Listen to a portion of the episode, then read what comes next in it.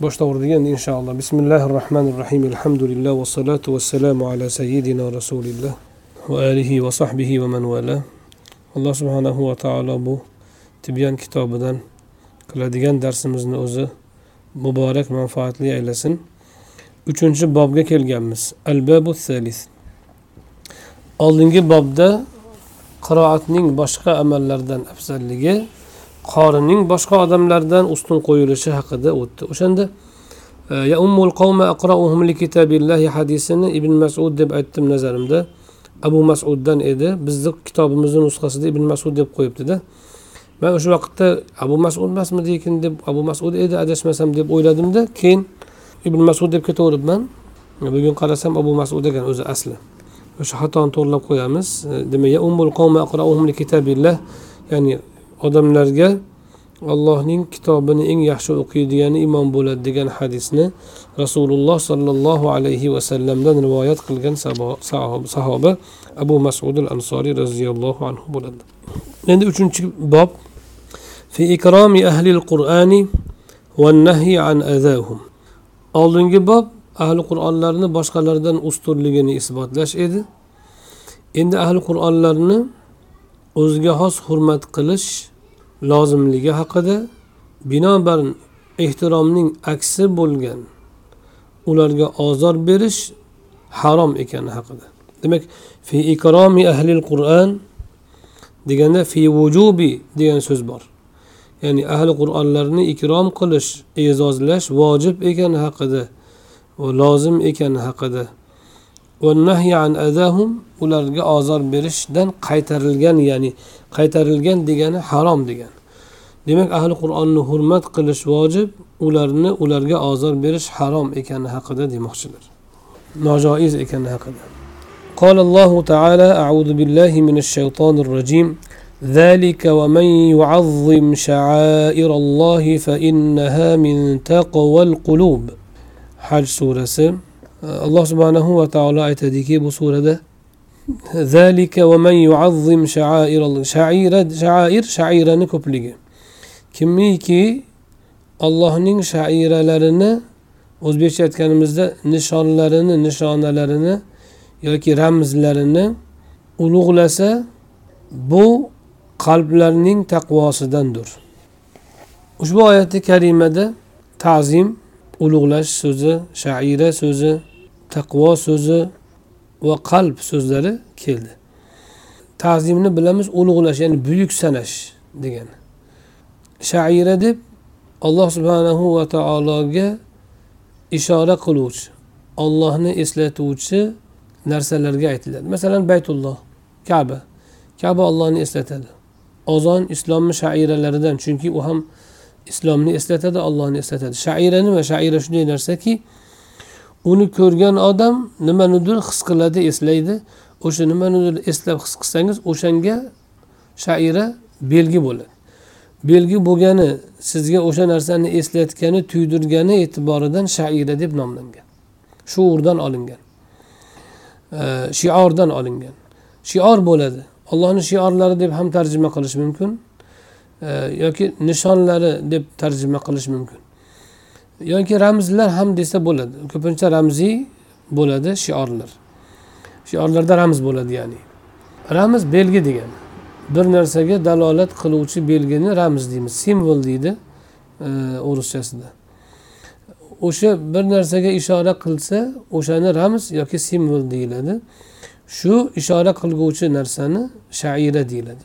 Agar allohga ishora qilib tursa ollohni eslatib tursa. Bunga misol namoz. Namozni ko'rsangiz masalan ollohni eslaysiz. Masjidni ko'rsangiz ollohni eslaysiz. Ozonni eshitsangiz ollohni eslaysiz. E, qaysi bir narsaki amalki yoki qaysi bir mavjudotki yoki bir e, buyum buyum deymizmi yoki bir e, jismki qaysi bir jismki qaysi bir amalki alloh subhanahu va taoloni eslatsa alloh taoloni kishiga shuuriga keltirsa o'sha narsa ollohdan belgi bo'ladi o'sha narsani shaira deyiladi shaira deyiladi. Shior deganda bizda ko'pincha so'zlar g'oyalarni ifoda qiluvchi so'zlarni nazarda tutamiz. Lekin bu yerda shior desak ham yoki shaira desak ham shaira desak to'g'riroq bo'ladi o'zi. Yoki nishon deb tarjima qilsak bo'ladi. Ya'ni alloh subhanahu va taoloni eslatuvchi allohga dalolat qiluvchi narsalar. Bu oyat karima haj surasida haj ahkomi o'rtasida kelgan. Haj alloh subhanahu va taoloni eslatish alloh taologa bandalikni eslatish amallaridandir. Kaba masalan allohni eslatadi. Boshqa amallar ham alloh subhanahu va taoloni esga soladi. Har biri alohida bir ma'nodan ramz bo'ladi.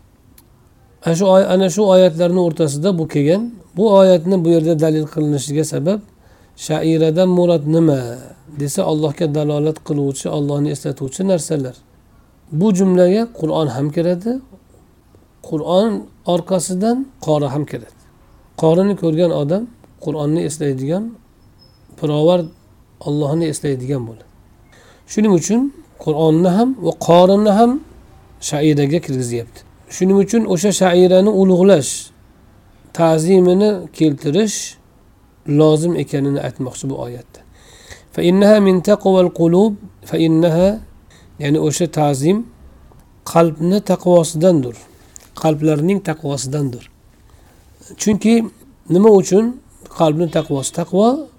Alloh subhanahu va taoloni norozi qiladigan allohni g'azabiga g'azabini keltiradigan biror ishdan biror narsadan chetlanish ollohni g'azabidan biror vosita tufayli o'zini qutqarish degani. Vosita bir amalni olloh qaytargan amalni qilmaslik bilan yoki buyurgan amalni qilish bilan bo'ladi. Vosita shu. Shu bilan ya'ni ollohni aytganini qilish bilan ollohni g'azabidan azobidan o'zini himoyalash taqvo deyiladi. Qalbning taqvosidan degani qalbning ollohdan qo'rqishidan dalolat. Ollohni g'azabidan o'zini saqlashidan dalolat. Qalbning taqvosi degan e, jumlada yana bir nuqta borki taqvo qalbda bo'ladi.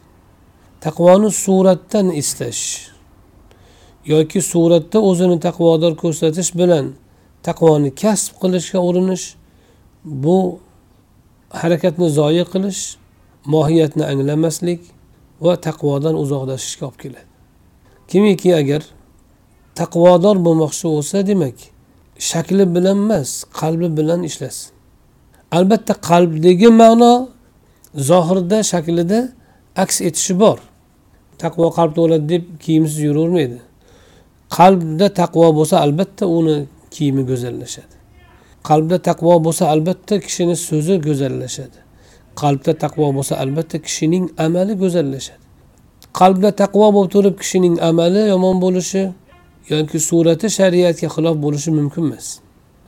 Ammo qalbda taqvo bo'lmagan holda surat chiroyli qilsa bo'ladi so'zni chiroyli qilsa bo'ladi amalni chiroyli qilsa bo'ladi ko'rinishda. Mana bundan qaytariladi. Bu nifoq hisoblanadi munofiqlik bo'ladi. Kimiki agar suratini chiroyli qilib suratiga tashqi ko'rinishida taqvodor ko'rinishga harakat qilsayu qalbida taqvo bo'lmasa bu nifoqdan munofiqlikdan e, bir ko'rinish bo'ladi. Endi qalblarning taqvosidandir degani demak taqvo qalbda bo'lishiga ishora qiladi. Rasuli akram alayhissalotu vassalomning hadislari ham bor. Ko'kslarini ko'rsatib taqvo mana bu yerdadir taqvo mana bu yerdadir taqvo mana bu yerdadir deb ta'kidlaganlar.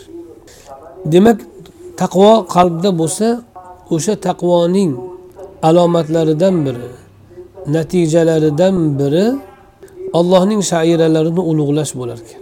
Alloh subhanahu va taoloning nishonalarini ulug'lash. Biz bunga yaqinlashtirish uchun misol tariqasida aytamiz. Misol tariqasida aytamiz masalan bayroq davlat ramzi bo'ladi gerb davlat ramzi bo'ladi shuningdek boshqa narsalarni ham ramzi bor. Bizni ko'zimizga ko'proq ko'proq yaqinrog'i odatda biz ko'proq ro'para keladiganimiz davlat ramzlari o'shani shaira deyiladi. Masalan bayroq davlatni shairalaridan nishonlaridan ramzlaridandir. Nima uchun? Masalan siz bayroqni ko'rsangiz shu moviy rang qizil chiziq tortgan undan keyin tagida oq e, lenta undan keyin yana qizil chiziq yana pastida ranglarni ko'rib tepada oy yulduzni ko'rsangiz o'zbekiston esingizga keladi o'zbekistonni bayrog'ini ko'rsangiz o'sha shakldan o'zbekiston esingizga keladi o'zbekistondan ramz bo'ladi o'sha bitta bayroq boshqa davlatniki o'zidan ramz bo'ladi. Siz agar bayroqni e'zozlasangiz u siz lattani lat e'zozlayotgan bo'lmaysiz. Bayroq e'zozlanadi hurmat qilinadi. U bayroq materiali chiroyli bo'lgani uchun emas. Yoki rangi go'zal bo'lgani uchun emas yoki o'sha lattani narxi balandligidan emas yo'q. U bir davlatga ramz bo'lganda siz u davlatni hurmat qilganingizdan davlat esa xalqning tamsilchisi bo'lganidan siz xalqingizni e'zozlaganingizdan o'z xalqingizga o'zingizni millatingizga yurtingizga hurmatingiz bo'lsa binobarin o'sha millatni o'sha xalqni tamsilchisi bo'lgan davlatni hurmat qilasiz. Modam davlatni hurmat qilar ekansiz davlatga ramz bo'lgan. Davlatga ishora qiluvchi davlatni eslatuvchi ramz bo'lgan bayroqni ham hurmat qilasiz. Mana shu bitta misol shairani hurmat qilishga. Kimiki demak kimiki o'zbekiston bayrog'ini e'zozlasa u o'zbekistonni yaxshi ko'radi desak to'g'ri bo'ladi. Endi ollohni shairalarini ta'zim qilish ham xuddi shunga o'xshaydi. Kimiki masalan namozni ulug'lasa bir kishi namoz o'qiyotgan bo'lsa uni oldida ovozini pastlatib tursa qur'onni ko'rsa mushafni uni o'pib yuqoriga qo'yib qo'ysa yerga qo'ymasdan pastlatmasdan kabani ko'rib yoki qiblani hurmat qilib unga oyog'ini cho'zmasa. Mana bu alloh subhanahu va taoloning shairalarini ulug'lash bo'ladi. Siz u kabani to'rtburchak bo'lgani uchun ulug'lamaysiz u ollohning bay allohga mansub bayt bo'lgani uchun. Ollohni uyi ham emas u. Olloh unda yashaydi degani emas ollohni uyi degani. Balki alloh taolo o'ziga uni nisbat bergani ollohning uyi deb allohga nisbat topgani va u ollohni dinining ramzi bo'lgani natijada allohga dalolat qiluvchi ramz bo'lganidan kabani hurmat qilamiz. Atrofini aylanib tavof qilamiz. Nimaga? Ta'zim qilgandan. Tavof ta'zimni bildiradi. Nimaga kabaga qarab namoz o'qishni o'zi bilan kifoyalanmaymiz? Balki aylanamiz atrofini aylanishimiz kabani ta'zimi kabani ulug'lash. Bir kishini siz ulug'lasangiz bir kishiga bir e'tibor qaratsangiz aylanayin o'rgilayin deysiz. O'sha e'tibor qaratganingiz ta'zim qilganingizdan aylanib o'rgilasiz kabani atrofida. Mana shu aylanishimiz kabani ta'zimi. Shuning uchun kabadagi eng ulug' ibodat namoz va tavof bo'ladi. O'sha tavof ta'zim. Bu nima nimaga dalolat qiladi? Alloh subhanahu va taologa bo'lgan iymonimiz allohga ishonganimiz uni hurmat qilganimiz uni ulug'laganimizdan uni yaxshi ko'rganimizdan unga dalolat qilguvchi narsani biz e'zozlaymiz. Onasi o'tgan odam onasini ro'molini olib ko'ziga surtadi. Yoki bir ulug' kishidan masalan otasidan yoki ustozidan bir maktub kelsa o'pib qo'yadi. Nimaga? U qog'oz bo'lgani uchun emas. Ustozini eslaganidan. O'sha ichidagi muhabbatini ustozidan kelgan maktubni o'pish bilan izhor qiladi. Ta'zim kimiki ulug'lasa deyapti alloh taolo. Ta'zim qaysi a'zoni amali? Ta'zim qalbni amali. Taqvo qalbning taqvosidandir degandan tushunamizki demak ta'zim ulug'lash qalbning amalidir. Kimiki ollohni shiorlarini ulug'lasa qalbning taqvosidandir dedimi? Ta'zim asli qalbning amali va zohirda ham ta'zim aks etadi. Siz e, onangizni yaxshi ko'rganingizdan onangizni ro'molini ko'rib uni o'pganingiz kabi o'sha muhabbatingizni izhor qilasiz onani ro'molini o'pish bilan hidlash bilan. Sog'inchingizni ifoda qilasiz. Xuddi shuningdek alloh subhanahu va taologa bo'lgan ta'zimimiz qalbimizda bo'lgan ulug'lash alloh taologa bo'lgan bir e'tiqodimizni biz ifodalaymiz. Masalan namozda sajda qilish bilan ifodalaymiz. Boshimizni e, yuzimizni yerga qo'yish bilan qaddimizni egib egib ruku qilish bilan ifodalaymiz. Ana shu ifoda turlaridan biri alloh taoloni eslatuvchi ramzlarni ulug'lash bo'ladi. Kabani ko'rganda uni e, ulug'lash kabani muqaddas sanash uni aylanish atrofida. Mushafni ko'rganda uni ulug'lash mana shu hammasi ollohni eslatgani uchun allohga taalluqi bo'lgani uchun bu narsalarni muqaddaslashtirish muqaddas deb bilish ularni turli kamsitish va noma'qul muomalalardan taomillardan uzoq va pok tutish shu ta'zim bo'ladi. Bu ta'zim asli qalbdan barq urib chiqadi va zohirda aks etadi. Zohirda aks etishi masalan qur'oni karimni ulug'laysiz mushafni. Aks etishi uni kindikdan pastga tushirmaslik va uni o'pib qo'yishingiz yuzingizga surtishingiz betahorat ushlamasligingiz va hokazolar. Jumhur ulamoni nazdida qur'oni karimni betahorat ushlash joiz emas. Ulamolar harom deganlar qur'oni karimni betahorat ushlashni. Nimaga? Ta'zim vojib bo'lganidan. U o'zi aslida varaq u ana shu alhamdulillahi robbil alamin oyatini o'rniga agar deylik boshqa bir kalima yoziladigan bo'lsa boshqa bir kitob yoziladigan bo'lsa uni betorat ushlash mumkin bemalol. Ammo ollohni kalomi yozilgandan keyin ollohni kalomi ollohdan ramz bo'lgani ollohni eslatuvchi bo'lgani ollohning sifatining bizdagi dalolati bo'lgani yuzasidan uni hurmat qilamiz. O'sha harflarni oddiy harflar o'sha arab harflari bilan gunohni ham gapirish mumkin. O'sha arab harflari bilan yomon narsani ham yozish mumkin. O'sha arab harflari bilan lag'u behuda narsani yozish ham mumkin erta yozsa ham bo'ladi. Cho'pchak yozsa ham bo'ladi. Lekin o'sha harflar bilan siz ollohni kalomiga dalolat qiluvchi kalimalarni yozar ekansiz. O'sha dalolat qiluvchi harflar boshqa so'zlarga dalolat boshqa ma'nolarga dalolat qilayotgan paytda hurmat topmagan bo'lsa bo'lsada ollohni kalomiga dalolat qilishi bilan hurmat topadi. U ollohni eslatgani alloh subhanahu va taologa taalluq topgani ollohni sifatiga bog'langani yuzasidan hurmat qilinadi natijada mushafni betahorat ushlash harom bo'lib qoladi. Uni biz e'zozlaymiz o'pamiz. Ibn umar roziyallohu anhu har kuni mushafni olib o'qirkanlar yuzlariga surtib o'pib qo'yarkanlar. Mana bu nima uchun shunday qilamiz? Shu shunday ta'zim qilamiz? Alloh subhanahu va taoloni ulug'laganimizda. Uni qanday ifodalaymiz? Alloh taologa taalluqli har bir narsani ulug'lash bilan ulug'laymiz. Har bir narsani ulug'lash bilan ifoda qilamiz. Qalbimizda allohga bo'lgan e'tiqod bor ta'zim bor haybat bor. Alloh subhanahu va taologa bo'lgan muhabbat bor. Biz bularni nima bilandir ifodalashimiz kerak? O'sha ifodalash yo'llaridan biri alloh subhanahu va taoloni eslatuvchi unga ramz bo'lgan narsalarni e'zozlash ulug'lash bo'ladi. Misol tariqasida mushofni ulug'lashimiz shu jumladan qur'on ahlini ulug'lash chunki qur'on egasi xuddi boshqa harflar boshqa so'zlarni ifodalayotgan harflar mushafga tushib varaqda ollohni kalomiga dalolat qilgan paytda o'sha varoq ulug'langani kabi.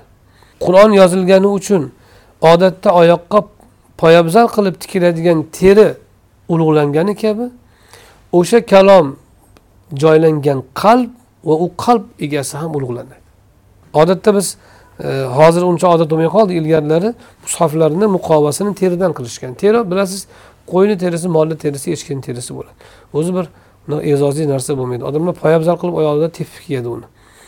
Lekin shu oyoqda tepib kiyilayotgan teri bir hayvonni bitta kir yoyinki bir badbo'y narsasi bir qismi tozalanib oshlanib mushafga yopishtirilgan paytida peshonaga surtiladigan o'piladigan e'zozlanadigan bir narsaga aylan. Xuddi shuningdek qur'oni karimga yopishgani uchun teri qanday e'zozlansa inson ham unga qur'on joylansa qur'onga yopishgani qur'onga e, yopishib u bilan birlashgani yuzasidan u inson ham e'zozlanadi.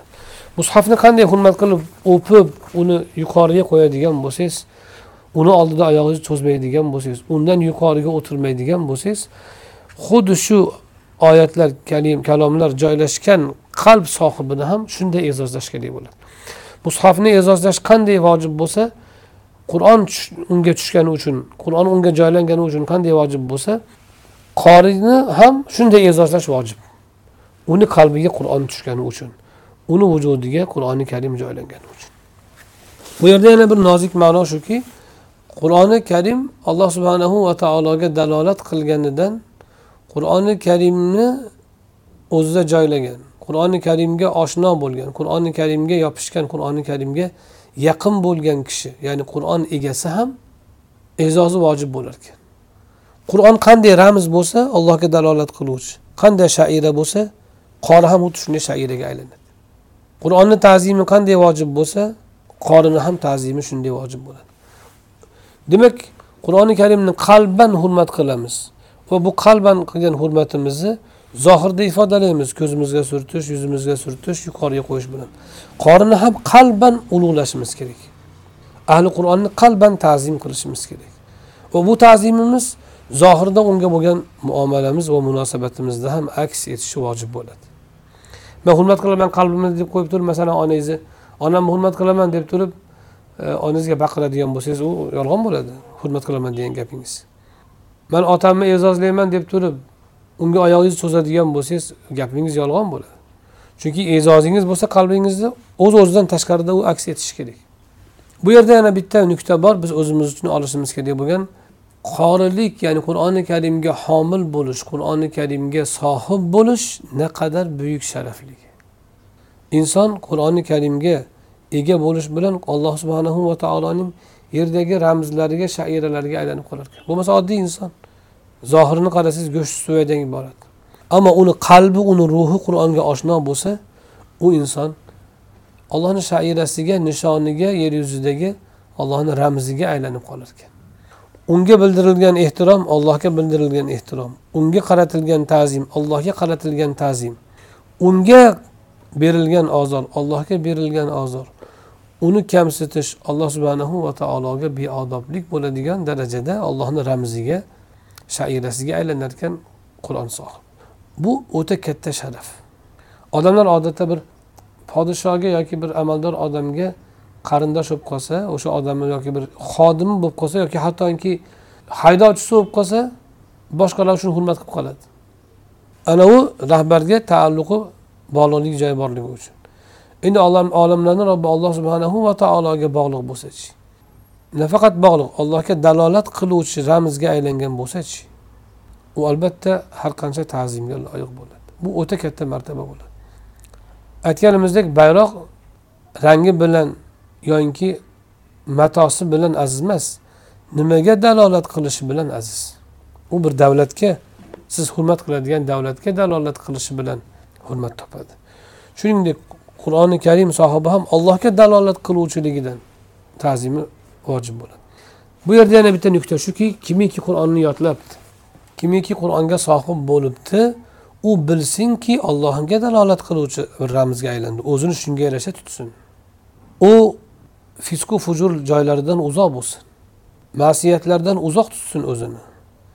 Behuda lag'v va past axloqlardan o'zini uzoq tutsin. Ana shunday past darajadagi kishilar bilan ulfat bo'lmasin. Chunki unda u o'zini qalbidagi qur'onni toptayotgan bo'ladi. Behurmat qilayotgan bo'ladi. Alloh subhanahu va taologa dalolat qilib tursin u. Modam dalolat qilarkan allohga dalolat qiluvchi narsa alloh subhanahu va taologa qarshi bo'lgan narsa bilan birga bo'lishi mumkin emas. Xuddiki masjidda najosat bo'lishi mumkin emas bo'lganidek kabani oldida gunoh qilish mumkin emas bo'lganidek.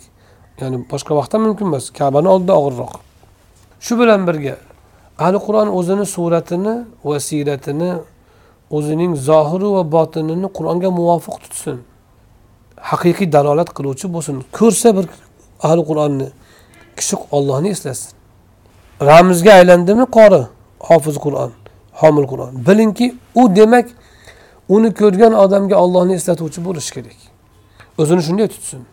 Gap so'zida o'tirish turishida nigohida hay'atida siyratida va suratida zohiridayu botinida ollohni eslatuvchi bo'lsin.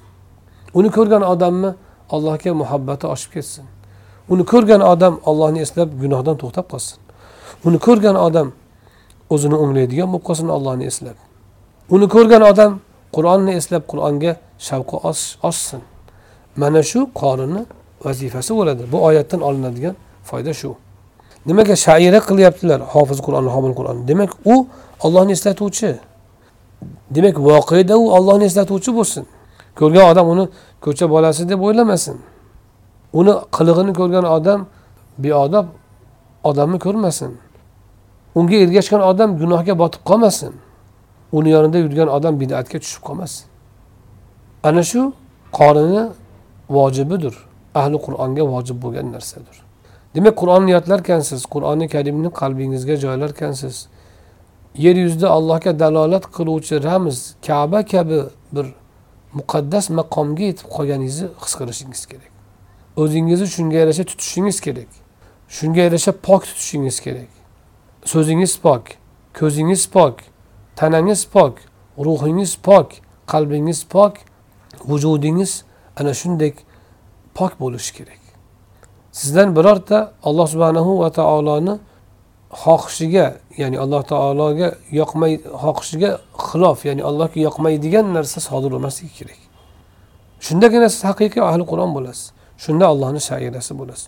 Shunda qalbingizda joylangan qur'on sizga manfaat bergan bo'ladi. Shunda qalbingizga qur'on joylangan bo'ladi o'zi asli. Demak allohni shairalarini ulug'lash qalbning taqvosidandir demak qorilarni e'zozlash e'zozlash taqvodan. Qorilarni ulug'lash taqvodan ahli qur'onlarni ta'zim qilish ularni buyuk sanash taqvodandir qalbning taqvosidandir. Kimiki qorini ahli qur'onni behurmat qilsa kimiki uni xo'rlasa unga beodoblik qilsa demak uning qalbida taqvo yo'q. Demak u ollohdan qo'rqadigan odam emas. Chunki kimiki qalbiga ollohdan qo'rquv allohga muhabbat allohga ta'zim joylansa u allohga dalolat qiluvchi narsalarni ham ulug'lab qoladi o'z o'zidan. Ta'zim bu ulug'lash ulug' sanash qalbida uning haybatini saqlash bilan zohirda uning odobini saqlash bilan hosil bo'ladi. Shunga ishora qiladilar imom navaviy bu bobda ushbu oyatni keltirish bilan. Keyingi oyat ham haj surasida ayni haj oyatlari orasida keladi. فهو خير له عند ربه kimiki allohning hurumotlarini hurmatdan murod olloh harom qilgan narsalar yoki olloh ehtirom qilgan narsalar harom va ehtirom so'zlari bitta o'zakdan olinadi olloh harom qilgan narsalar degani alloh taolo behurmat qilinishini taqiqlagan narsalar masalan kabani behurmat qilish taqiqlangan shuning uchun al baytul harom deyiladi Qur'oni karimni betahorat ushlash taqiqlangan chunki u behurmatlik. Olloh hurmat qilishni vojib qilgan narsalar va e, alloh subhanahu va taolo ma'lum qaytariqlarni qaratgan narsalarni hurmat deymiz. Odatda kishi qalbidan o'tgan narsaga gunohkor bo'lmaydi ammo haramda bo'lsa gunohkor bo'ladi. Kimiki haramda zulmni iroda qilsa unga alamli azobni e, og'riqli azobni tottiramiz deydi. Demak haramda hattoki gunohni qilish u yoqda tursin gunohga qasd qilish ham og'ir gunoh bo'ladi. Ana shu alloh subhanahu va taolo demak hurmat qilishni vojib qilgan narsalarni hurmatini saqlash shuningdek qaytariqlarini ulug'lash ya'ni demak hurmatdan murod qaytargan narsalar qaytariqlar yoki olloh ehtirom qilgan narsalar. Olloh ehtirom qilgan narsalarni ehtirom qilib ta'zim qilib ulug'lab unga nisbatan qalbida bir haybat tutish zohirida shunga yarasha bir munosabat va odobni tutish ta'zim bo'ladi. Kim shunday qilsa bu uning o'ziga yaxshi. Ollohni huzurida robbining huzurida uning o'ziga yaxshi bu. Siz qur'onni yirtib yuborsangiz u bilan qur'oni karim xo'rlanib qolmaydi. Siz marazingizni izhor qilgan bo'lasiz xolos va o'zingizni azobga tutgan bo'lasiz xolos. Bir kishi borib kabani poymol qilib kabani buzsa u bilan u ollohni uyi maqomidan tushib qolmaydi. O'sha hurmatida qoladi. Ammo uni hurmatini buzgan og'riqli azobga qoladi. Shuning uchun kimiki ulg'lasa bu huzur ollohni robbini huzurida uning o'zi uchun yaxshidir. Chunki bu taqvodandir bu mukofotlanadi. Bishta hofiy alayhi rahmani hikoyalari bor. Yerda ollohni ismi yozilgan bir qog'ozni ko'ribdilar. Aytadilarki yonimda bor pulim bir dirham ekan. Borib bir dirhamga attordan atir oldim. Haligi yerga tushib qolgan bismillahi rohmanir rohim kalimasi tushgan yerda yotgan qog'ozni oldimda atir bilan uni tozalab xushbo'ylab e'zozlab yerda yotgan narsani olib tozalab e'zozlab odamlar bosolmaydigan yuqori joyga devorni tirqishiga qistirib qo'ydim shu kuni tush ko'rdim tushimda alloh taolodan menga xitob keldi aytdiki ey bishir sen bizni ismimizni ulug'lading biz seni ismingni ulug'laymiz. Bizni ismimizni poklading seni ismingni poklaymiz. Bizni ismimizni xushbo'ylading sani ismingni xushbo'ylaymiz. Aytadilarki beshinchi hofiyni hamma yaxshi ko'rardi. Alloh taolo u kishini ismini shunday ulug'lab qo'ydiki hammani qalbiga bishri hofiyni muhabbatini solib qo'ydi. Ulamolar aytishadiki e, shu ham ham e, zamonlari. Alloh taolo bishirni muhabbatini uni hurmatini kishilarni qalbiga shu qadar joylagandiki bishri hofiy o'sha kishilarni qalbiga olloh uning e'zozini hurmatini joylab qo'yganini shukronasiga agar cho'g'ni ustiga o'tni ustiga sajda qilsa shukronasini ado qilolmaydi bishir deyishgan. Ya'ni shu darajada alloh taolo u kishini ismini ulug'lab qo'ydi. Nima bilan? Bir qog'ozdagi ollohni ismini ulug'lagani bilan bor puliga atir olib o'shani artib tozalab yuqoriga olib qo'ygani uchun. Bu shaklda emas gap o'sha harakatni o'zida emas gap o'sha harakatga undagan qalbidagi ta'zimda gap. Ana shu qalbida shu ta'zim bo'lgani uchun alloh taolo bishri hofiyni ulug'ladi o'zini do'stlaridan qildi va ismini hammani qalbiga sevikli qilib qo'ydi u odamni mana shu bitta ishi uchun alloh taolo bu ishni o'zi uchun emas balki balki bunga olib kelgan ta'zim uni qalbidagi demak ana shunday kimdaki hurmat bo'lsa e'zoz bo'lsa allohni hurumatlariga ana bu kishiga o'zi uchun yaxshi nima uchun yaxshi? Bishri hofiyni o'ziga yaxshi bo'lgandaqa o'sha ism yerda yotgan paytida yerda qolaversa ollohni yerdagi biror hukmi o'zgarib qoladimi? Yo'q. Ollohni hukmi joriy bo'laveradi qur'onni yirtgan odam abadiy qolyaptimi? Yo'q. Alloh taolo xohlagan paytda jonini olyapti. Ollohni qo'lida mahkum. Allohni qahri ostida boshqaruvi ostida hech kim ollohni hukmidan tashqariga chiqolmaydi qur'onni e'zozlagani bilan musulmon ko'payib uni behurmat qilsa musulmon kamayib e'zozlasa ollohni hukmi o'tib e'zozlanmasa ollohni hukmi yurmay qolyaptimi? Yo'q. Ollohni hukmi har qanaqasiga yuradi. Ollohni dini har qanaqasiga yetadi. Lekin bu e'zozlagan odamni o'ziga yaxshilik bo'ladi xolos. Kabaga ta'zim bajo qilsangiz sizga yaxshi kabaga emas. Allohga ham umuman manfaati yo'q. O'shuning uchun kim ollohni hurmatlarini ulug'lasa ulug'lasa nima degani? Olloh harom bilgan narsada narsani taqiqini o'ta qattiq olsa o'ta qattiq undan jirkansa olloh qaytargan narsadan o'ta qattiq uzoqlashsa shu ta'zim bo'ladi. U ishni qilishni o'ta katta yomon ish deb bilsa shu ta'zim bo'ladi. Endi ancha muncha qilib turadida deb odam agar harom narsaga oson qo'laveradigan bo'lsa demak u odamni qalbida ta'zim yo'q. Bu degani u odamni o'ziga yomon allohga emas. Ammo ulug'lasa allohga emas o'ziga yaxshi. Bir kishi aroni harom deb bilsa haromligidan uzoq bo'lsa riboni harom deb bilsa bir dirham ham ribo kirib qolish bir dirham ribo kirib qolishidan hazar qilsa bir dirham kirib qolishini katta musibat deb bilsa o'sha kishi ollohni hurmatlarini ta'zim qilayotgan ulug'layotgan bo'ladi. Bu uni o'zi uchun yaxshi. Bu qalbini taqvosidan bundan u odam dunyoda ham xayr topadi oxiratda ham ajr va mukofot oladi. Shuning uchun uni o'ziga yaxshidir deyapti alloh taolo. Ana shu hurmatlarni jumlasiga alloh taolo hurmatini bajo keltirishni vojib qilgan narsalar kiradi. Jumladan kaba mushaf masjid kabi. Shu jumladan qori ham.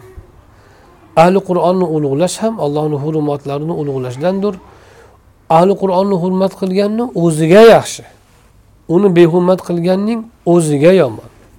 Ahli qur'on u bilan allohni huzurida martabasi tushib qolmaydi. Bir qorini kamsitsangiz. Sizni o'zingizga zarar keladi. Qalbingizda taqvo yo'qligidan dalolat va o'zingizga musibat ham keladi ortidan. Xususan avlodlaridan ahli qur'on chiqmay qoladi kimiki ahli qur'onni behurmat qilsa deyishadi ular allohni hurmatlarini ulug'lash ta'zimiga misol imomi buxoriy masalan. Imomi buxoriylarni qanaqa qilib bunaqa darajaga yetgan desangiz u faqat zehni o'tkirligidan emas. Albatta zehni o'tkir xotirasi kuchli bo'lgan.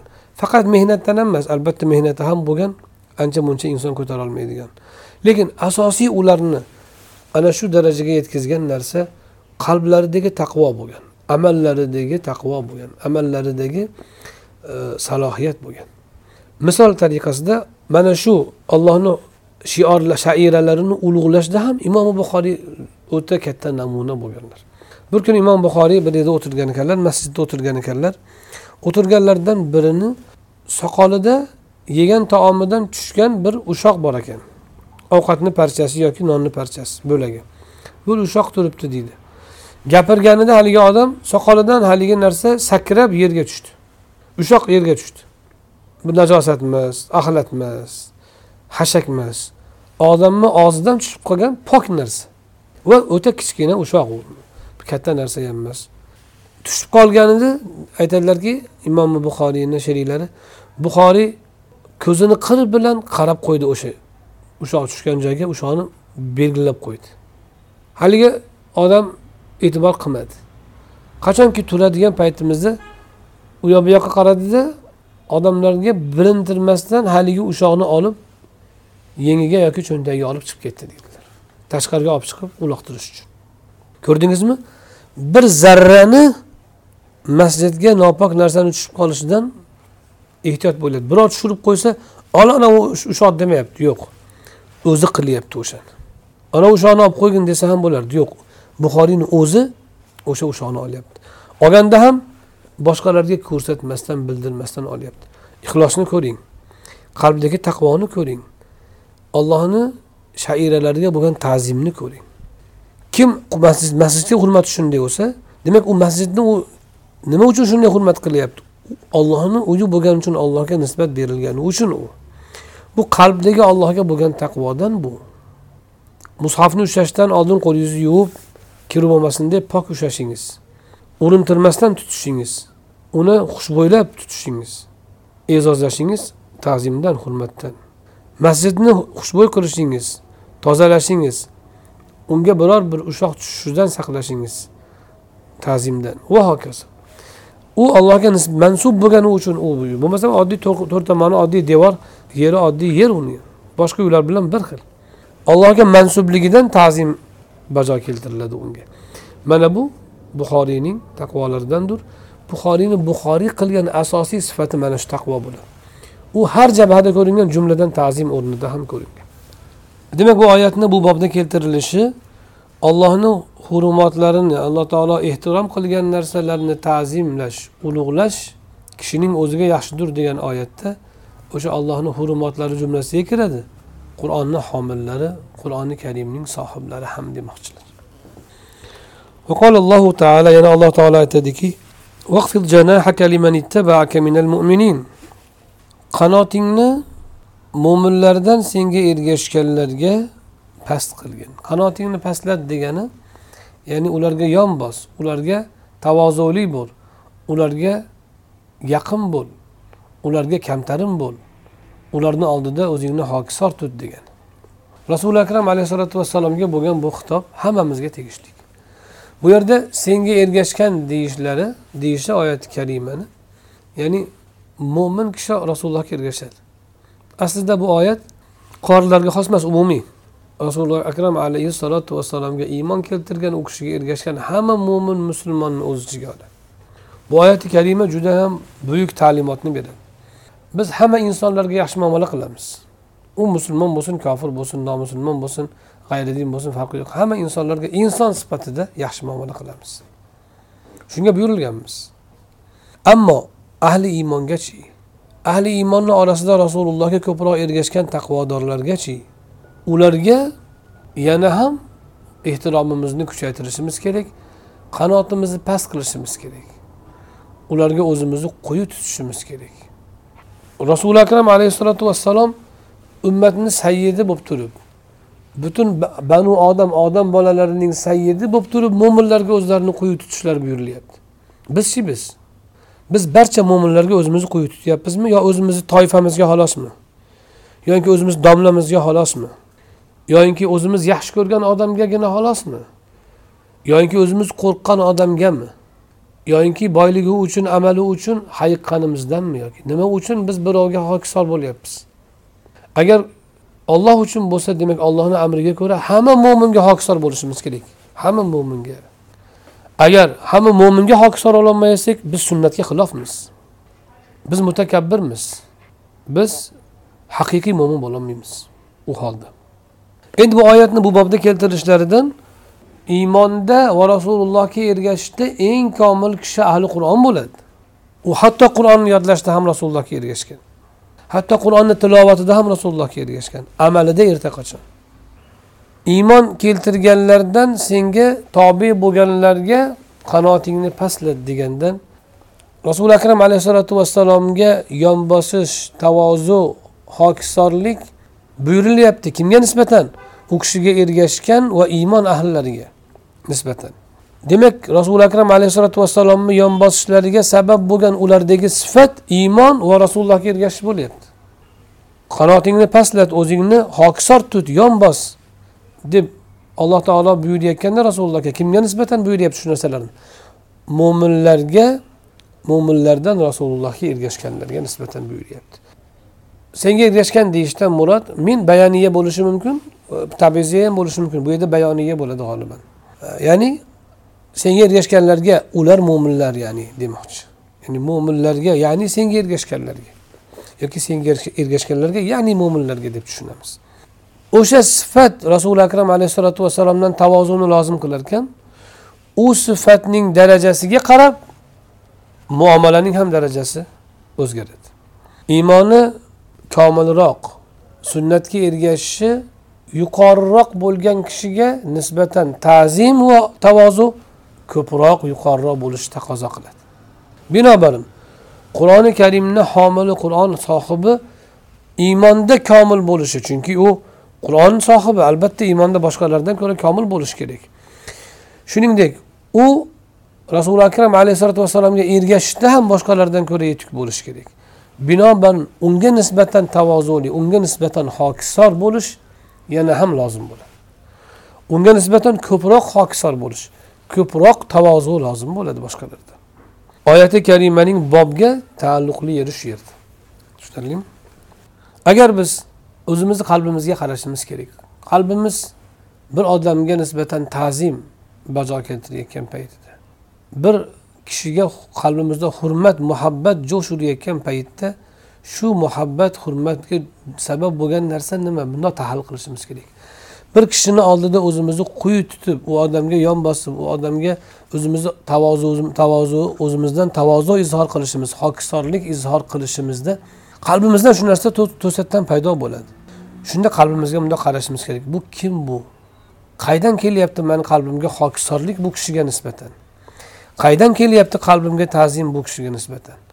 Qarashimiz kerak. Agar u odamdagi qur'on uchun bo'lsa u odamdagi iymon uchun bo'lsa u odamdagi sunnatga muvofiqlik jihatidan bo'lsa ana bu iymondandir mana bu sunnatdandir mana bu taqvodandir. Ammo u odamga nisbatan kelayotgan shu ta'zim boshqa jihatdan bo'lsa demak biz nafsimizga yoki boshqa maxluqlarga qullik qilayotgan bo'lamiz. Shu yerda yana bir tahlil kerak. Man bir kishini hurmat qilyapman. Sunnatga ergashgani uchun. Yoinki iymoni uchun mo'min bo'lgani uchun yoki ahli qur'on bo'lgani uchun. Davo qilaman shunday deb. Buni iymoni uchun hurmat qilaman. Sunnatga ergashgani uchun hurmat qilaman. Ahli qur'on bo'lgani uchun hurmat qilaman deyman. Lekin o'zimni o'zim bir tahlil qilishim kerak. Xuddi shu odamdaqa ikkinchi ahli qur'onni ham shunday hurmat qilyapmanmi? Xuddi shu kabi ikkinchi mo'minni ham iymoni uchun shunday hurmat qilyapmanmi? Yoki bu odamni meni qarashimga muvofiq bo'lgani uchun qarashi keyin ahli qur'onligini hurmat qilyapman. Yoki bu odam men mansub bo'lgan toifaga mansub bo'lgani uchun mo'minligini hurmat qilyapmanmi yoki bu odam men shinavanda bo'lgan domlaga shinavanda bo'lgani uchun buni e'zozlab bunga tavozu ko'rsatyapmanmi agar xuddi shu sifatdagi ikkinchi mo'minga iymoni uchun ta'zim ko'rsatolmasam xuddi shu kabi ikkinchi ahli qur'onga meni toifamga mansub bo'lmagan mani yurtimga mansub bo'lmagan yoki meni qavmimga mansub bo'lmagan yoki meni fikriy qarashimga mansub bo'lmagan ikkinchi ahli qur'onni ham hurmat qilolmayotgan bo'lsam o'shani hurmat qilgani kabi. Demak meni hurmatim u yerda toifagarchilikdan millatchilikdan mahalliychilikdan oqimchilikdan bu degani maxluqlarga sig'inishdan. Qalbimda xoliqning emas maxluqning ta'zimi va muhabbati joylashganidan jumladan nafsga bandalikdan bo'ladi har kim o'zini tahlil qilsin har kim o'zini qalbiga qarasin har kim o'zini muomalasini qalbini to'g'irlasin shunga ko'ra. Bu o'ta nozik daqiq va ko'pimizda uchraydigan illat bu. Buni har birimiz o'zimizda isloh qilishimiz kerak. Keyingi oyati karima qol allohu taala vallazina yu'zuna al-mu'minina wal-mu'minati bighayri maktasabu faqad ihtamalu buhtanan va isman mubina. Tepadagi oyatlarda ta'zim buyurildi tavozu buyurildi. Mo'minlarga nisbatan jumlatan jumlatan qorilarga nisbatan xossatan endi bu oyati karimada mo'min va mo'minalarga ozor berish haqida keladi. Chunki bob ahli qur'onni e'zozlash va ularga ozor berishdan qaytarilgani haqida. Tepadagi oyatlar o'sha bobning mavzuning sarlavhaning birinchi qismiga taalluqli. Endi bu oyat ikkinchi qismiga ularga ozor berishdan qaytarilgani haqida degan so'zlariga taalluqli oyat. Oyati karimada alloh taolo aytadiki mo'min va mo'minalarga ular qilmagan ishlarida ozor beradiganlar hali biror bir ayb qilmaslaridan turib ozor beradiganlar bo'htonni va ochiq oydiq gunohni o'zlariga yuklabdilar. Ozor nima? Mo'min mo'minalar kim? Nimaga ular bir ish qilmaslaridan ya'ni qilmagan ishlariga deb aytilyapti. Ozor iza izaul mo'min harom deb mashhur ya'ni mo'minga ozor berish haromdir deyiladi. Aroq qanday qanday harom bo'lsa ribo qanday harom bo'lsa undan qattiq harom mo'minga ozor berish. Mo'minga har qanday iymon ahliga. Faqat o'zingizni toifangizni mo'min deb o'ylamang. Faqat o'zingizni irqingizdagilarni millat millatingizdagilarnigina mo'min deb o'ylamang. Jamiki iymon ahli kiradi bunga. Mo'min va mo'minalar deb alloh taolo ta'kidladi. Mo'minlar deb qo'ysa o'zi mo'minalar ichiga kiradi o'z o'zidan lekin alohida mo'minalarni ham ta'kidladi. Ozor nima? Ozor kishining jismiga yoyinki qalbi ruhiga unga yoqmagan narsani yetkazish unga munosib bo'lmagan narsani yetkazish. Ya'ni masalan tanaga ma'lum harorat maqbul ammo o'sha haroratdan ortiqcha haroratni tanaga yetkazish tanaga to'g'ri kelmaydi unga munosib emas. Shu munosib emas narsani tanaga yetkazish ozor bo'ladi. Yoyinki masalan igna sanchish tana uni istamaydi ozor bo'ladi. Endi qalbga beriladigan ozor bor. So'kish bormi haqorat qilish bormi tuhmat qilish bormi g'iybat qilish bormi kamsitish bormi va hokazo. Hatto nigohdan so'raladi. Agar bir kishiga mundoq qarab turib nigohingizda uni past sanab qaragan bo'lsangiz o'sha nigohingizdan qiyomatda so'ralasiz o'sha ham harom. Shuning uchun haddod alayhi rahmaga bir kishi qarab turganda nimaga tikilyapsan? Nigohdan so'ralishingni bilmaysanmi? deganlar. Demak ozor o'ylamang ozor deganda faqat so'kish urish pulini tortib olish ular albatta ozor. Lekin undan kichkina ozorlar ham hammasi kiradi bu oyatni ostiga. Hattoki nigohdagisi ham. Mo'minu mo'minalarga deb aytilishi ta'kidlanishi ko'pincha kishilar ayollar ko'proq ayollarga ozor berib qo'yadi yoki o'zini eriga. Erkaklar ko'pincha o'zini ayoliga ozor beradi. U ham mo'mina anavi er ham mo'min mo'min va mo'minalar deganda faqat begonalarni tasavvur qilmang. O'zingizni yaqinlaringizdan boshlang akangiz ukangiz onangiz farzandingiz eringiz xotiningiz ustozingiz shogirdingiz hamdarsingiz ham majlisingiz. Hamma hammasi modom ularda iymon bor ekan iymon sifati bor ekan ozor berish harom bo'ladi. U degani iymonsiz bo'lsa masalan kofir bo'lsa nima qilsa ham bo'laveradi emas yo'q unga ham ozor berib bo'lmaydi o'zi asli. Bu yerda aslida mavzu mo'minlarga ozor bergan kishilar xususan rasuli akram alayhissalotu vassalomga ozor berish haqida ketgani uchun oyat oqimi oyat oqimi mo'minlarni mo'minalarni zikr qilingan. Aslida har qanday insonga ozor berish harom bo'ladi.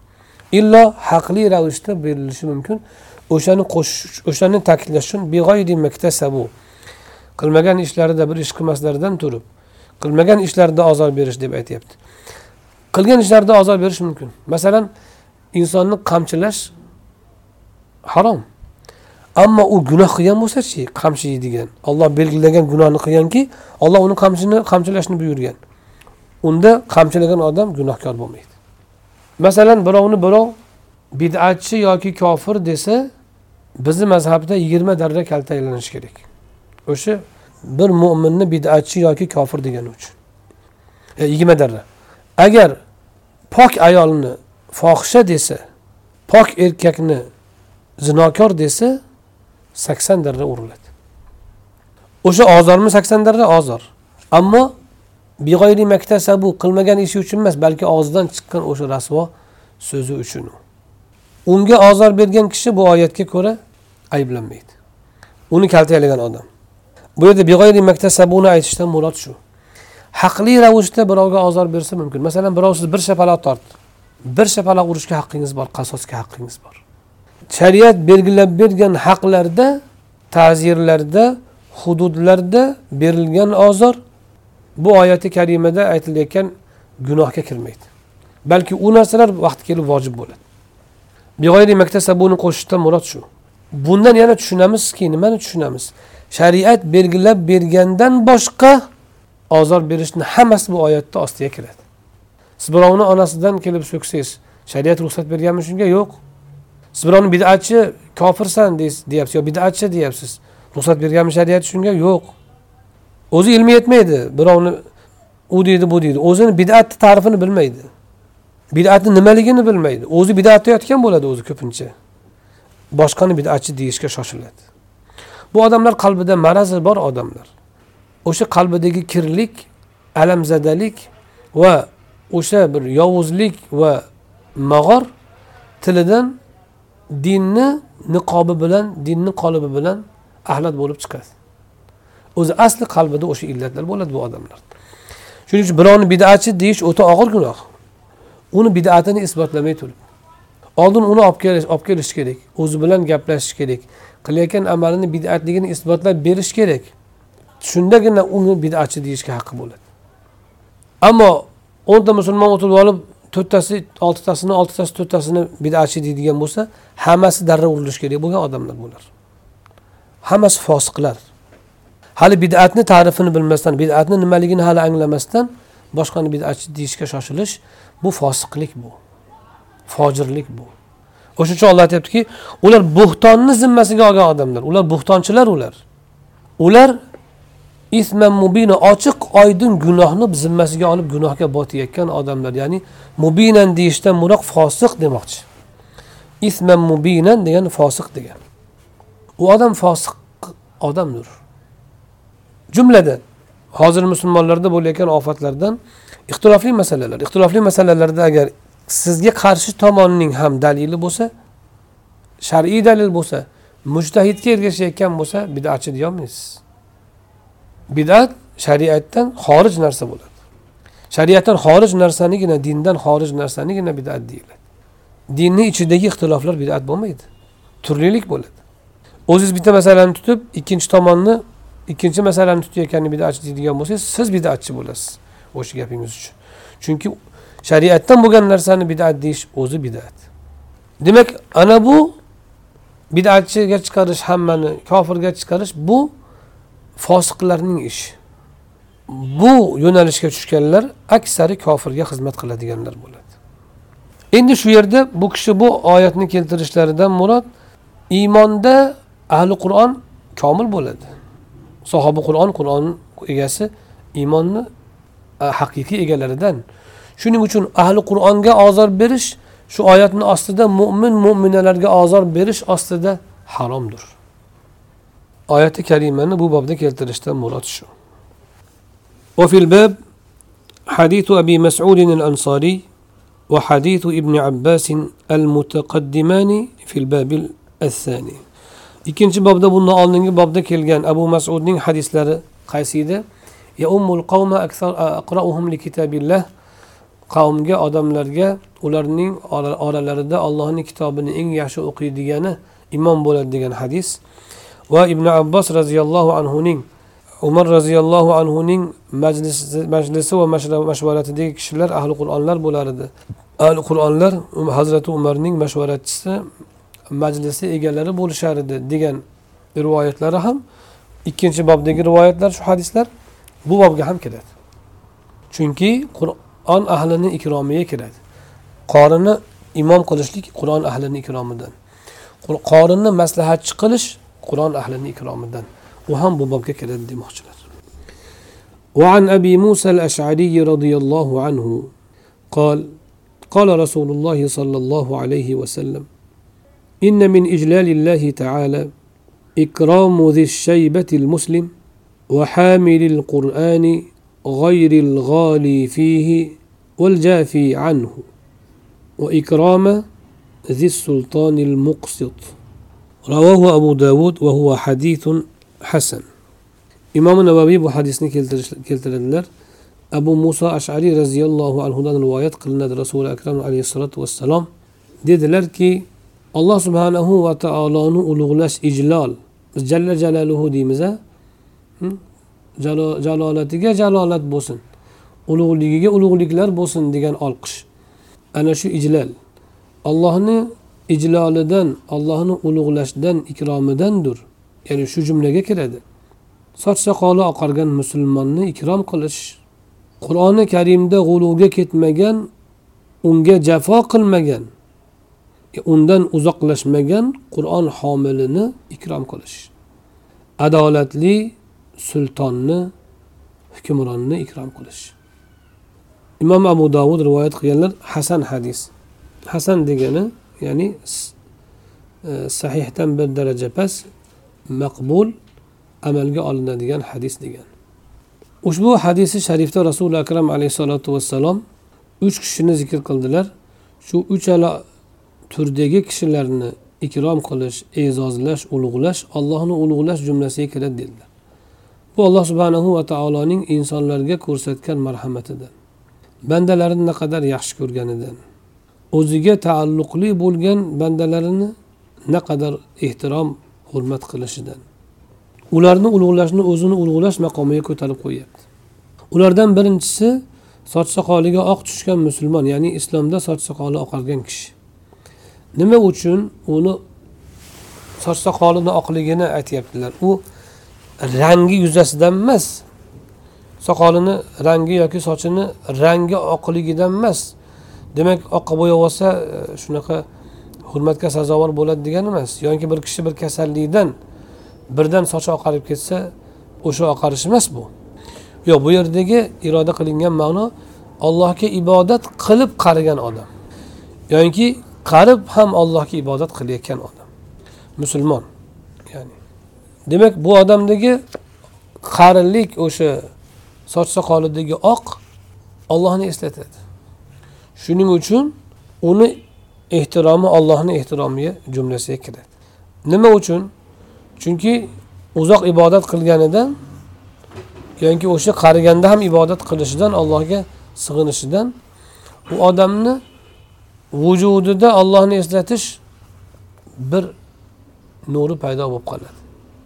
U odamni siz bexosdan hurmat qilasiz. Unda ollohni nuri bo'ladi.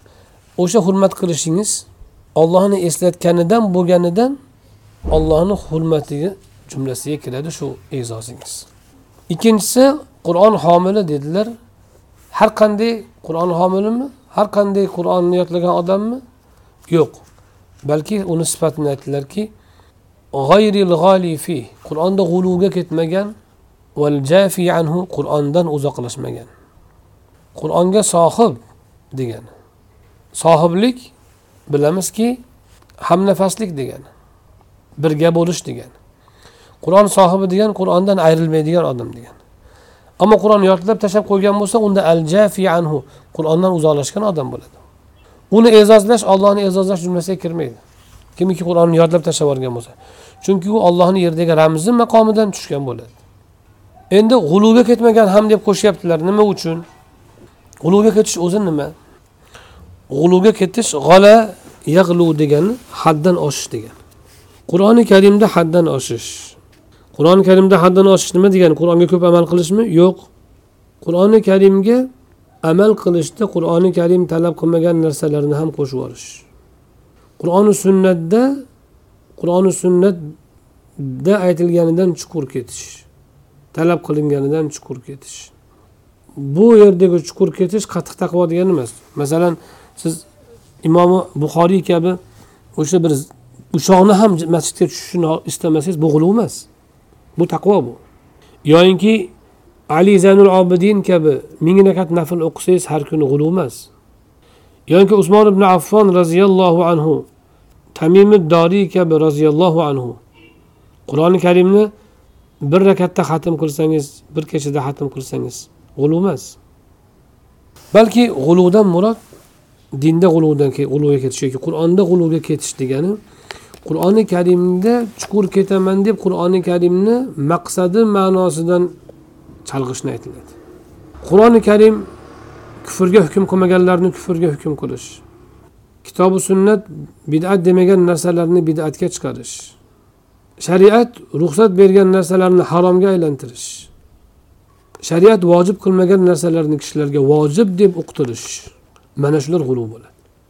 Qur'oni karim buyurmagan narsalarni buyurgan deb odamlarga uqtirish qaytarmagan narsalarni qaytargan qilib uqtirish mana shu g'uluv bo'ladi. Kimiki qur'onni o'qisayu g'uluvga ketsa u ham allohni yerdagi ramzi bo'lolmaydi chunki allohga dalolat qiluvchi emas u. Qur'oni karimni ko'tarsayu yodlasayu ammo undan uzoqlashgan bo'lsa unutish bilan yoki tilovatidan uzoqlashish bilan yoki amalidan uzoqlashish bilan undan ayrilgan bo'lsa u ham allohning yerdagi dalolat qiluvchi ramzi emas. Uning ikromi ham allohni ikromi jumlasiga kirmaydi.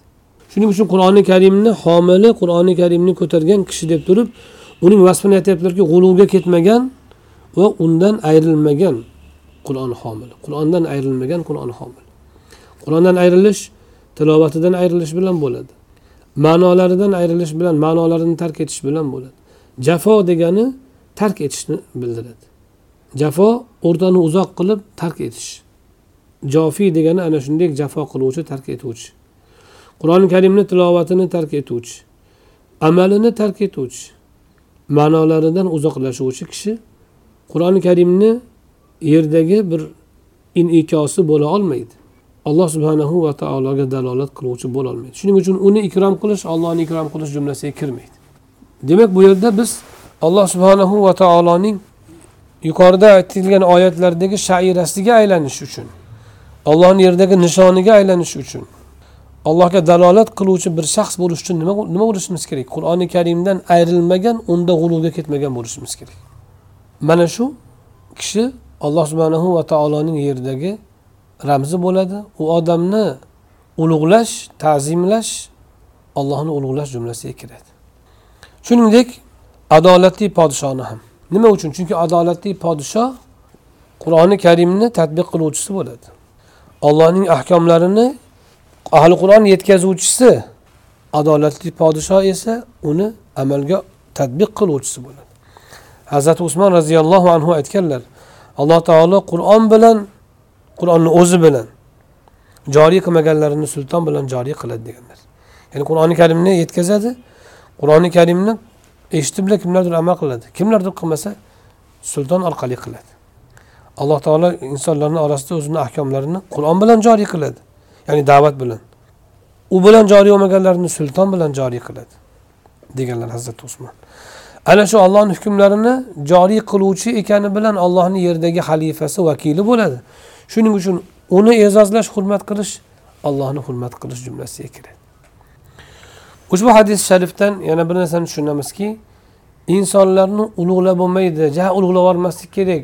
Ustozni ham olimni ham qorini ham ja ulug'lab bo'lmaydi deb behurmat qilishga ularni bir oddiy odamdaqa yoki e, bir hurmatsiz o'zi bilan teng tutishga urinadigan beodoblar bo'ladi.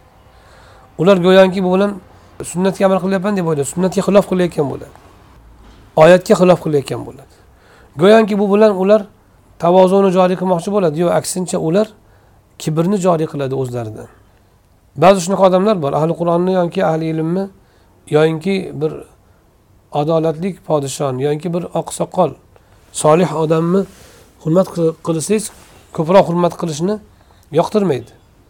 Uni e'zozlashni go'yoki bir kerak bo'lsa shirkka olib borib qo'yay deydi.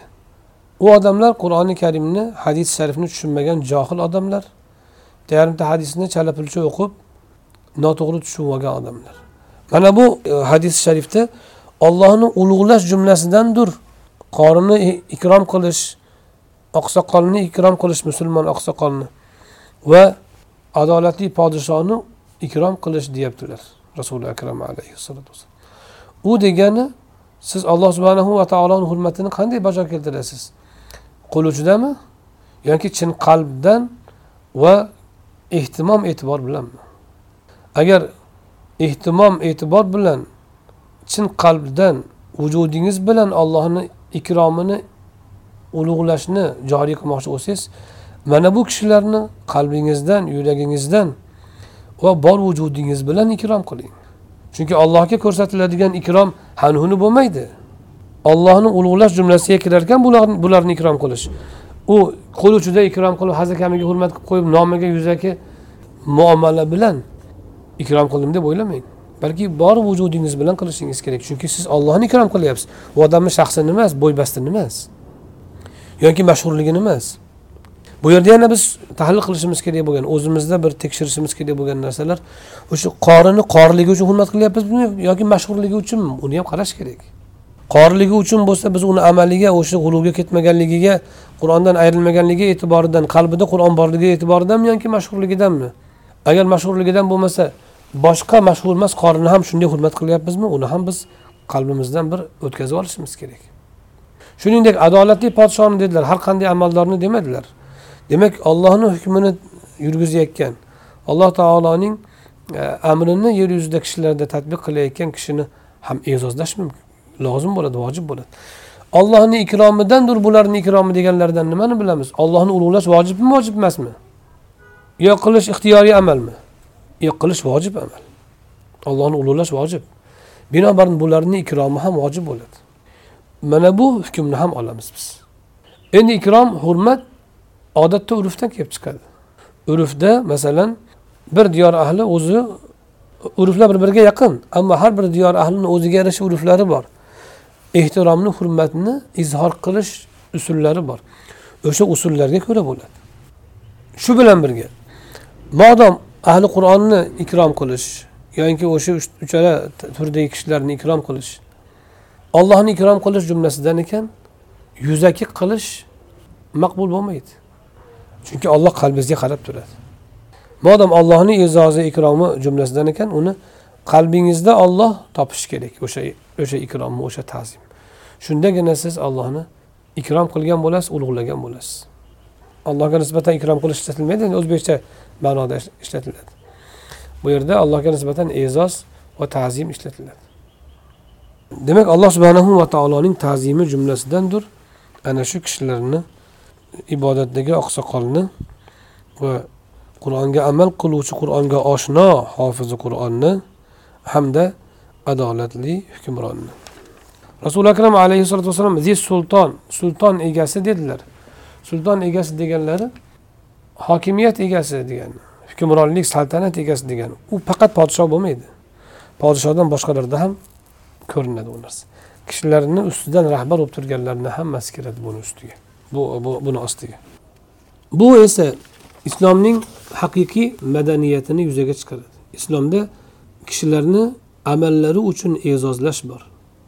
Adolatli hukmron dedilar. Adolatliligi uchun hukmron bo'lib turib adolat qila olgani uchun uni e'zozi vojib bo'ladi. Uning ikromi ollohni ulug'lash jumlasiga kiradi. Demak u ham ollohning yerdagi ramziga aylangan bo'ladi.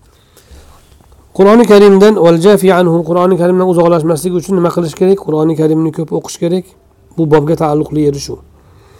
Qur'oni karimni homilini ikromi demak vojib ekan e, chunki allohni e'zoz hurmat qilish ta'zimlash vojib. Demak qur'oni homilini ham binobarin e, ta'zim qilish vojib bo'ladi.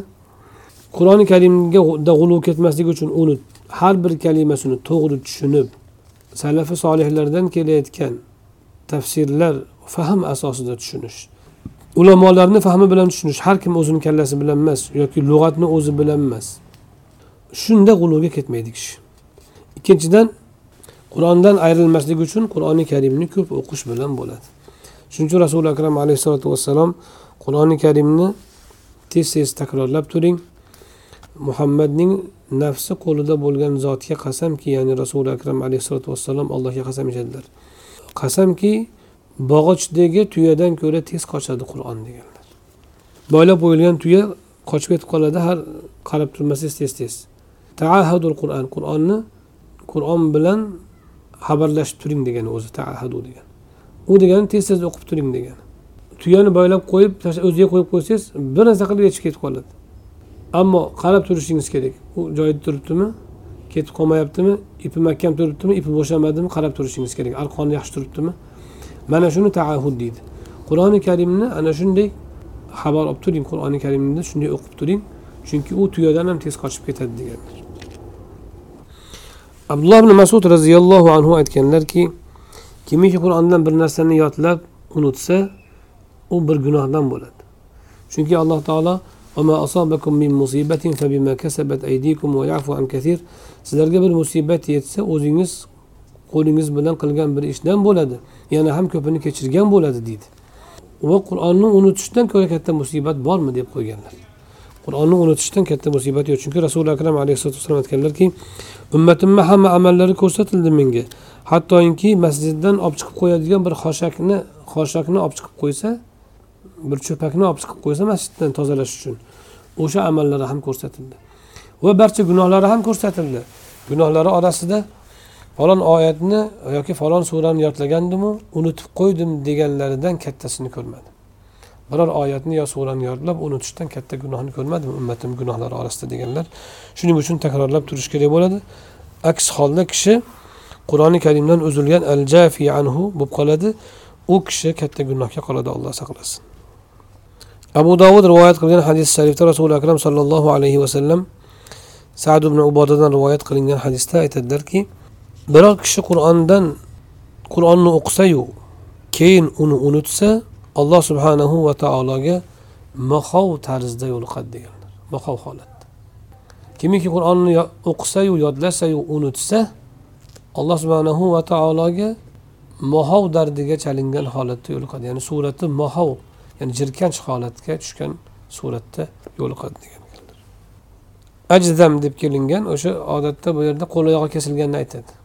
Lekin qo'l oyog'i kesilgani kasallikdan uzilib tushganini ajzam deydi. O'sha maho kasalidan uzilib tushsa qo'l oyog'i shuni ajzam deydi. Bu yerda e, qo'l oyog'i kesilgan holatda degan ma'noni ham to'g'ridan to'g'ri tushunishimiz mumkin. Kimiki qur'oni karimni o'qisayu keyin unutsa dedilar rasuli akram alayhissalom ya'ni sad ibn ubada roziyallohu anhudan rivoyat qilingan hadisda abu dovud rivoyat qilganlar. Rasuli akram sollallohu alayhi vasallam e, aytdilarki biror kishi qur'onni o'qisayu keyin unutsa albatta ollohga qo'l oyog'i kesilgan suratda yo'liqadi. Ajzam deganlar. Ya'ni qo'l oyog'i irib tushib ketgan holatda yo'liqadi dedilar. Shuning uchun qur'oni karimni ko'p o'qish xususan yodlagan kishi uni unutmasligi uchun doim uni aylantirib yurishi lozim bo'ladi. E, Bobni yana hadislari bor. Ularni inshaalloh keyingi darsda o'qiymiz. E, shu bilan bugungi darsda kifoyalanamiz. Alloh subhanahu va taolo o'zi o'qigan hadislarimizni to'g'ri tushunish to'g'ri amal qilish oyatlarimizga to'g'ri amal qilishni o'zi muvaffaq qilsin. Qur'oni karimga bog'lanib qur'oni karim bilan yashashni o'zi bizlarga nasib aylasin. hammalarimizni ham alloh taolo ahli qur'onlardan qilsin o'zini huzuriga komil hofiz bo'lib homil bo'lib borishni nasib aylasin barchalarimizga alloh taolo qur'oni karimga oshno bo'lib allohning yerdagi ramziga aylanadigan shairasiga shioriga aylanadigan nishoniga aylanadigan ulug' kishilardan bo'lishni o'ziga yaqinlardan bo'lishni o'zi nasib aylasin سبحان ربك رب العزة عما يصفون وسلام على المرسلين والحمد لله رب العالمين.